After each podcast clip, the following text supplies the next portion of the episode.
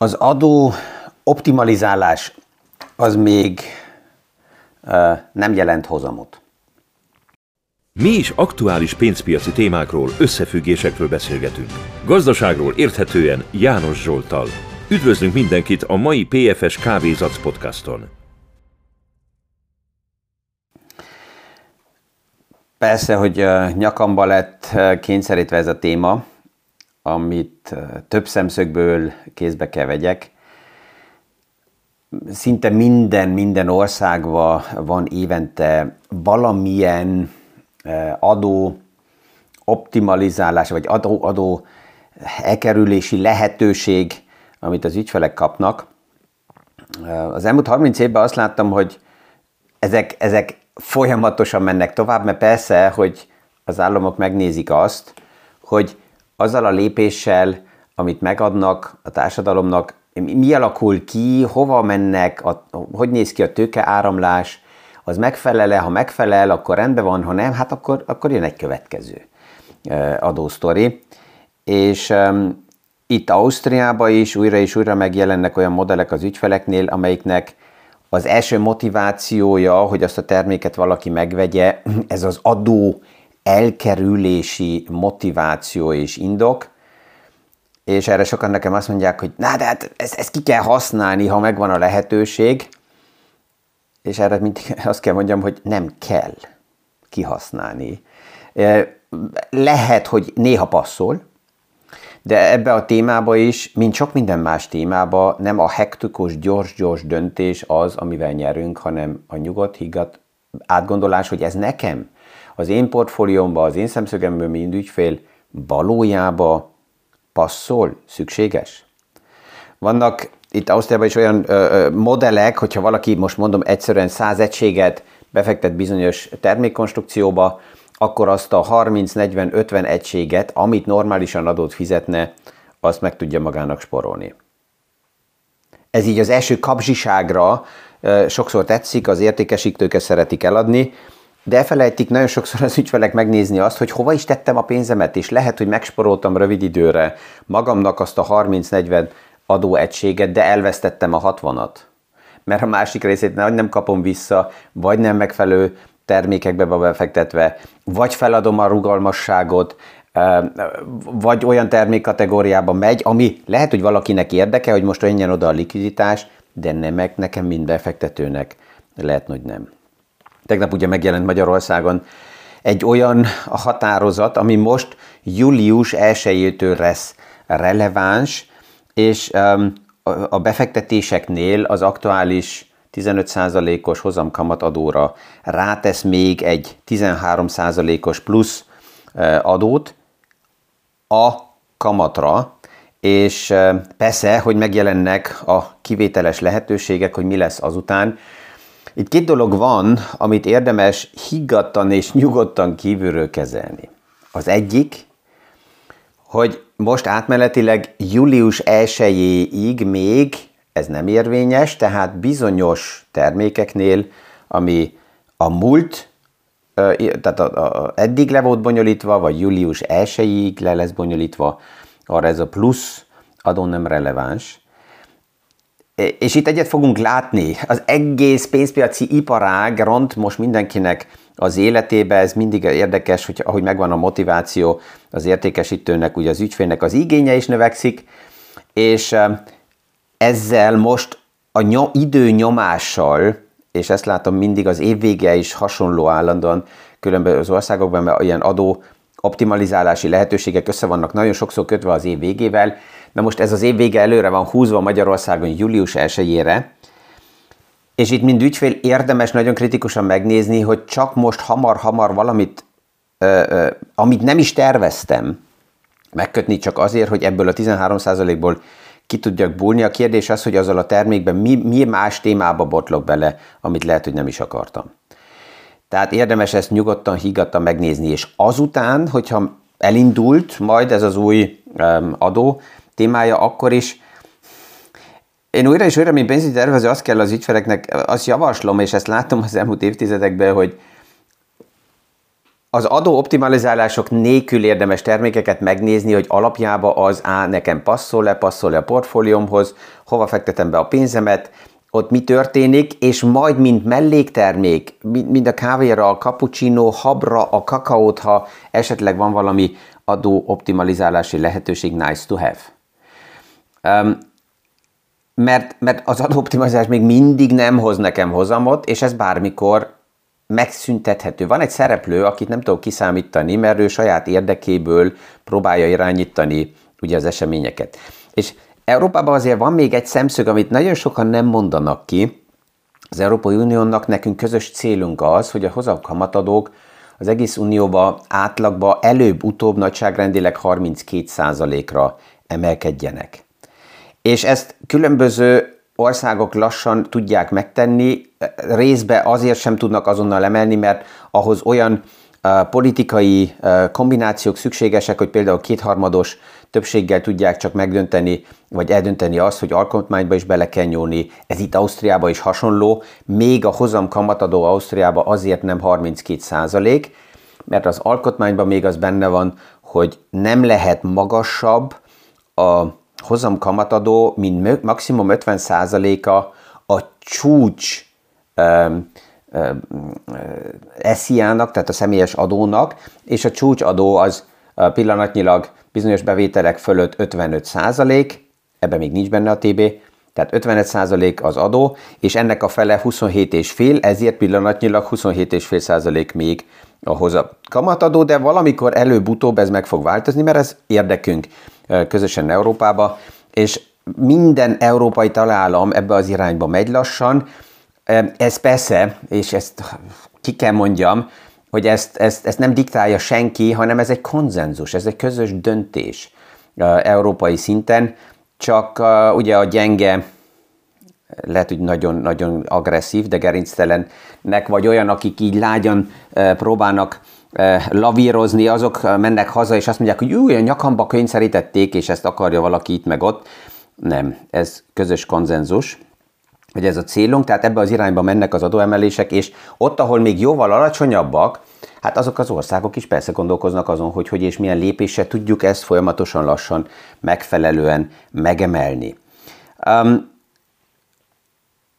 vannak olyan témák, amit, amiről beszélgettünk, hogy, és látjuk, hogy ha az össz tőkepiacot világítjuk meg, azokban problémák vannak. Mint például,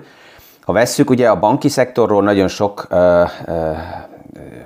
sokat beszéltünk, főleg az amerikai regionális bankokról, és ott egy probléma jelent meg márciusban, hogy a befektetők kezdtek likviditást kivonni a banki rendszerből, ami ugye oda vezetett, hogy a bankok olyan kötvényeket kellett volna eladjanak, amelyek az aktuális piaci helyzetben víz alatt vannak, tehát veszteséget kell realizáljanak, és ez a veszteség realizálás egy pár banknál oda vezetett volna, hogy, hogy csődbe mentek volna. Ez, ez a probléma mindig ott jelenik meg, amikor olyan termékek vannak, amelyik az egyik oldalon a befektetőnek azt ígéri, azt mondja, hogy naponta, napi szinten hozzáférsz, a másik oldalán pedig hosszú időre van ez lekötve, vagy hosszú időre lekötődik olyan fejlődések miatt, mint ugye most a kamat emelésekkel. És ugyanez a téma megvan az ingatlan szektorban is. Az ingatlan alapok hasonló problémával küzdenek, ugye nagyon sok ö,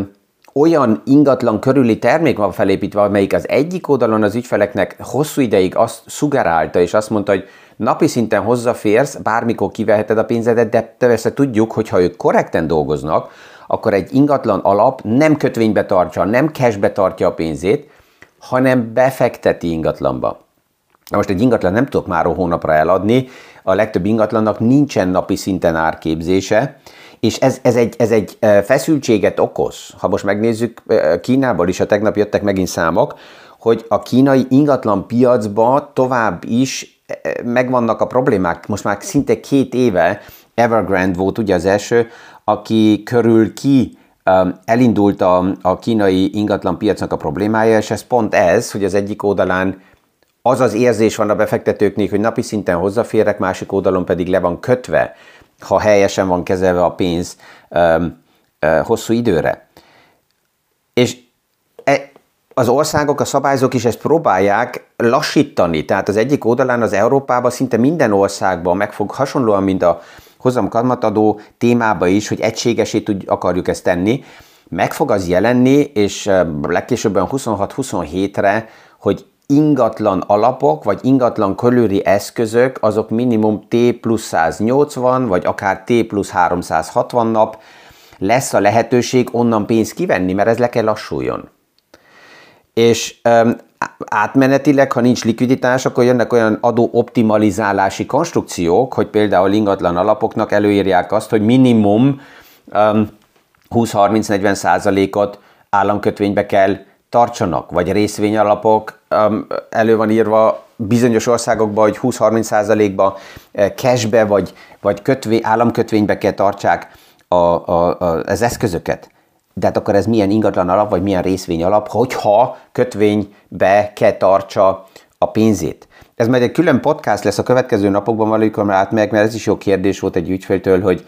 hogy ha kötvényre gondolunk, akkor nagyon sok fejbe államkötvény jelenik meg, de hogyha részvényekről beszélünk, akkor vállalatokról, és hogy ez, a, ez az egész portfólió sokkal nagyobb, ezt, ezt majd külön uh, még meg fogjuk nézni. De vissza még egyszer ehhez a, az adó uh, lépésekhez. Ez egy alaphozzáállás kérdése véleményem szerint, és az, a, az a gondolkozás, hogy, hogy az jó, hogyha valaki nekem mindig megmutatja, hogy hogy tudok kibújni mindenféle adó témából, de elvárom, hogy meglegyen a maximális állami szociális rendszer támogatása, az magában ellentmond. És ja, tehát aki az, azt élvezi, hogy mindent kikerüljön, hát akkor azt élvezkedje és csinálja. Én, én, én csak annyiba szólok ehhez a témához hozzá, hogy az idő nyomásánál érdemes lassítani. Itt visszatérhetünk a, Warren Buffett idézetére, amit ugye a napokban már beépítettem, hogy a, az idő, a nyugalom, az a barátja a jó portfóliónak és a befektetőnek, a hektika, a gyorsaság, a nyomás, az az ellenfele. És még egyszer, nem, nem garancia, hogy mindent, amit most gyorsan-gyorsan az embernek eladnak, az rossz fog lenni. A probléma az, hogy túl sok esetet láttam úgy, hogy esetleg nagyon jó termék, de nagyon rossz portfólióba, csak adóoptimalizálás miatt nagyobb veszteség. Tehát ma nem tudom elképzelni, hogy mit tudom, jövök haza, és valahol mit, mit, mit, mit, mit létrát értékesítenek adó támogatással, és ezért megveszek egy létrát, meg kapok, mit tudom, ezért adókedvezményt. De hogyha nem használom, akkor teljesen mindegy, mert akkor az egészet elvesztettem, nem csak adókedvezményt kaptam. De hát ez a mentalitás benne van az emberek fejébe, hogyha azt mondják nekik, hogy dobják ki 100 eurót az ablakon, mert 50-t akkor jóváírnak az adón keresztül, akkor ezt az emberek megteszik és elfelejtik, hogy a másik 50 részét is elvesztették. Tehát ezt érdemes kritikusan nézni. Ha visszamegyünk oda, ahol valójában zajlik a, hazom kérdé- a hozam kérdése, akkor az persze, hogy a nagy nemzetközi piacok ma ki fognak jönni az amerikai munkanélküliség számok, és hogy ez hogy fejlődik. Um, és egy látható, hogy tovább is a munkanélküliség még nem növekszik, addig, amíg a disinfláció nem üt át a gazdaságba, és a forgalmak nem mennek vissza, addig a vállalatok próbálják a tartalékból fenntartani a, az, a, a, az alkalmazottak szintjét, mert ugye a pandémia után tisztán látták, hogy nem olyan egyszerű, ha valakit elvesztettem, elbocsájtottam őt visszanyerni, de a disinflációs jelek jönnek, van ugye az az indikátor, amelyik azt mutatja, hogy milyen árak vannak a nagy, nehéz iparba, milyen áram vásárolnak be a bevásárló menedzserek, mekkorák a raktárok, az előrerendelések, és normálisan ez a price is paid, uh, pay, price is paid uh, indikátor, ez uh, 50-nél van a kritikus határ, minden, ami 50 fölött van, az azt jelenti, hogy a gazdaság jól működik, minden, ami 50 alatt van, az kritikus, botladozik, vagy megáll a gazdaság, és ez a tegnap kijött, és sokkal alacsonyabb volt, mint ami várva volt, 44,2, az egy kritikus alacsony szám. Ez oda is vezetett egyből, hogy a tegnap még beszéltünk arról, hogy a valószínűsége annak, hogy a július 17-i Fed gyűlésen egy plusz 0,25%-kal kamatot fognak emelni, ez a tegnap reggel, mikor a podcastot vettem fel, 61%-nál volt a piac elvárása, hogy ez a kamatemelés meg fog történni. A tegnapi nap folyamán, és ilyen mozgást már rég nem láttunk, 34%-ra csökkent ez az elvárás, és a nap végére 24%-ra esett vissza, mert több jel volt, tehát ugye az egyik, hogy a diszinflációs jelek megjelennek, tovább is elindul olyan iparágakba az árharc, ami előindikátor, hogy hova megy tovább a gazdaság. Két következő bankár, aki megint a Fed köréből kilépett a tegnap a színpadra, de ők nem azt mondták, mint két nappal ezelőtt a másik kettő, hogy a kamatot tovább lehet emelni, hanem Haka, aki benne van a Dontó körbe, a tegnap azt jelezte, hogy jobb lenne szünetelni, Balat, egy másik igazgató, ő nincsen a szavazókörbe benne, de ő is azt jelentette a tegnap be, hogy jobb lenne szünetelni, ami még nem azt jelenti, hogy a kamatok csökkenni fognak, de hogy egyelőre szünet, és azután we will see. Meglátjuk, hogy hogy alakul tovább a, az egész téma, és hát persze, hogy erre a piac elég hamar pozitívan reagált a tegnapi nap, és ami érdekes volt, hogy a tegnapi nap nem csak a szűk piac, és megint az öt szereplő, aki hajtotta a piacot, hanem most a széles piac mozdult, és ez, ez ugye ezek az abnormális helyzetek ezzel oldódnak fel, hogyha elindul egy pár ö, ö, nagy big tech cég, akkor két dolog lehet, vagy ők vissza kell korrigáljanak a többi szintjére, mert visszahúzzák, vagy a többi a széles piac is indul el felfele. Tehát itt a, a, a nyomás felfele nagyon erős, mert nagyon sok tovább is a kiváró, ezt látjuk abból, hogy Goldman Sachsnek a tegnap este a, az investment banking kategóriából kijöttek a számai, és ott lehet látni, hogy mínusz 25%-kal visszacsökkent Goldman Sachsnek a forgalma az investment bankingbe. És a magyarázat ebbe is az, hogy nagyon sok likviditás standby vár a pálya szélén, hogy mi történik a, a kamatokkal, és um, ez, ez, ez a nyomás felfele nagyon megvan. Persze veszélyes irányba is, hogy, hogy a KI téma, a mesterséges intelligencia téma az mind, mind hype tovább jelen van, és az amerikai mondja a legjobban, hogy rengeteg bullshit is megjelenik, azt lehet látni a 3C eh, AI számaiba, ami egyik nap 30%-kal fel, a másik nap 25%-kal eh, megint le, mert, mert, mert egyszerűen még nincsen meg a reális érték benne, hanem nagyon-nagyon sok fantázia, perspektíve, vízió, és egyet azért lehet látni, tegnap egy érdekes konferencián um, vállalat vezetőkkel, CEO-kkal beszélgettem, és kijön az, hogy azt mondják, hogy az persze, hogy figyelik ők, hogyha a forgalom a diszinfláció miatt visszacsökkenne, és nekik felsz, hogy ez a fő céljuk, hogy a marzsokat tudják tartani,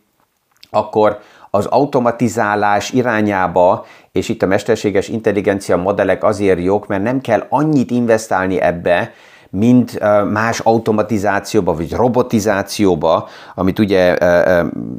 régebb láttunk, hogy az automatizációt nagyon lassan lehet bevezetni a vállalatok életébe, mert nagy-nagy befektetések kellenek, a mesterséges intelligencia témánál nem kell nagy. Ott a programokat még meg se kell venni, hanem ugye a cloud rendszerbe havi uh, uh, modellekkel ez integrálható nagyon hamar, és persze, hogy ez a nyomás lesz a következő és ez a létjogosultsága a megfelelő modelleknek tovább magas lesz, hogy a, a generative AI az tud helyesíteni személyzetet. Tehát így átlagban azt lehet kihallani, hogy olyan körülbelül 15-20 százalék személyzet leépítési kapacitással számolnak alapjába a CEO-k, hogyha ez, siker, hogyha ez szükséges lenne, hogy a marzsokat meg tudják tartani, akkor ez a lépés jönni fog. És ez persze, hogy a piac beárazza magának, hogy akkor az AI, mesterséges intelligencia, fantázia, az, az, az, az tud tovább menni. Ami még a jövő héten érdekes lesz, az egy másik konferencia, amelyik érinti a tőkepiaci témákat, mert áprilisban úgy nagyon sokan erre nem figyeltek, de elhangzott ilyen gazdasági fórumokba legelőször a hivatalos oldalról is, Amerikából, az, hogy nem bipoláris gazdasági modellekről beszélgetnek, hanem multipoláris rendszerekről, ami azt jelenti, hogy nem csak egy tiszta fehér-fekete kép, és az aktuális helyzetből egy ilyen hideg háború 2.0 forgatókönyvbe megyünk bele, hogy Amerika és nyugati elvek, rendszerek Oroszország vagy Kína ellen, hanem a multipoláris rendszerből kialakul az, hogy azok, akik ezekből a feszültségekből a mellékterméknek a, az élvezői, azok is nagyon erősednek, gazdaságilag jelentősebbek. Tegnap például az indiai számok jöttek ki, ami azt mutatja, hogy például India tovább is, á, abból, hogy magába mind belső univerzum nagyon erős, a globális gazdaságba itt-ott nagyon jól tudja magát, mint alternatíva pozícionálni, profitál is sokkal erősebben abból, hogy az orosz energiát alacsonyabb áron, sokkal nagyobb szinten be tudta vásárolni,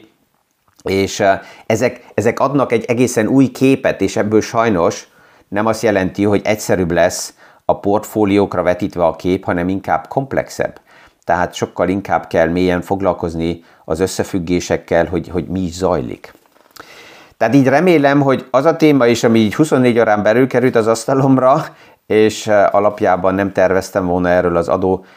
témáról beszélni, ez is egy picit felhívja a figyelmet, hogy egy korrekten, helyesen összeállított portfólióba persze, hogy érdemes azt is megnézni, hogy hol és milyen hivatalos lehetőségeim vannak, és ha passzol, no question, akkor be tudom ezt építeni. De csak azért kapkodni hirtelen most, most, most kapzsiságból,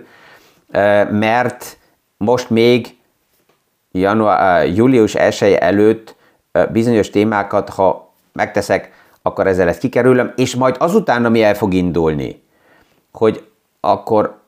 olyan kibúvó termékeket, mert már most is ugye megvolt, hogy az államkötvényt, ha valaki megveszi Magyarországon, akkor ezt nem érinti. Hát no, ná, az államnak ez az, indok, az, az érdeke, hogy a likviditás valamilyen formába terelje a, a, az ő irányába, hogy az ingatlan alapoknál, amelyeknek párhuzamosan elő van írva az, hogy mennyi részét kell államkötvénybe tartani, hogy ott van egy ilyen adóoptimál, de no question, hát ez logikus, hogy ez ide megy, a kérdés, hogy mi közön van ez, mint, mint ügyfél. És a, a, a, sok más termék, amelyik, amik nem reál értékekbe, hanem adóságokba fektet be, tehát a kötvényeken keresztül itt finanszírozunk bizonyos modelleket, ott nagyon meg kell nézni, hogy a sárga, sárgarépát, amit oda logatnak a, a szemem elé, az orrom elé, hogy az valójában érdemes, hogy ráharapjak, vagy jobb keresztül nézni ezen, és látni azt, hogy mi az, ami alapjában a portfóliómnak kell. És még egy vicces sztori felmerült, mert ugye itt Magyarország és amerikai adózási témába az év végével a dupla adózási törvények hatása miatt drágábbak lettek volna amerikai papírok a magyar portfólióba, és egy páran gondolkoztak azon, hogy oké, okay, akkor ezt lecserélem és levártom, hogy esetleg azt az adót elkerüljen, de még egyszer nem az adó hozza a hozamot. És most ezzel az új konstrukcióval azt kell mondjam, hogy az az adó, ami ott van, az kedvezőbb, mint az, ami új adóként megjelenik bizonyos kategóriákba. Tehát a témáról biztos, hogy még sokat fogunk beszélni, főleg azok, akiknek az adó székhelyük Magyarország. És tudom, hogy sokan magyar, magyar nyelvűen a podcastot máshol is hallgatják, de a legnagyobb része persze, hogy Magyarországon ezért ezekre a témákra is még egy pár szó, ha szükséges, ki fogok térni. Várom én mindig visszajelzéseket, kérdéseket, gondolatokat, felháborodásokat, panaszokat, mindent, ami a mondani való. Jövő héten uh, egy diványbeszélgetés lesz Budapesten, ez is megint passzol ehhez, a diványbeszélgetés előtérébe ez egy jó marketing, lehet, hogy még jutalékot is kellene valakinek fizetni, hogy felhívja a figyelmet arra, hogy szükséges a napi podcast, és kellenek a, a diványbeszélgetések. Ezzel a remélem mosolyra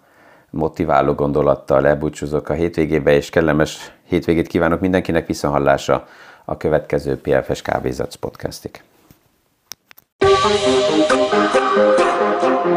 you.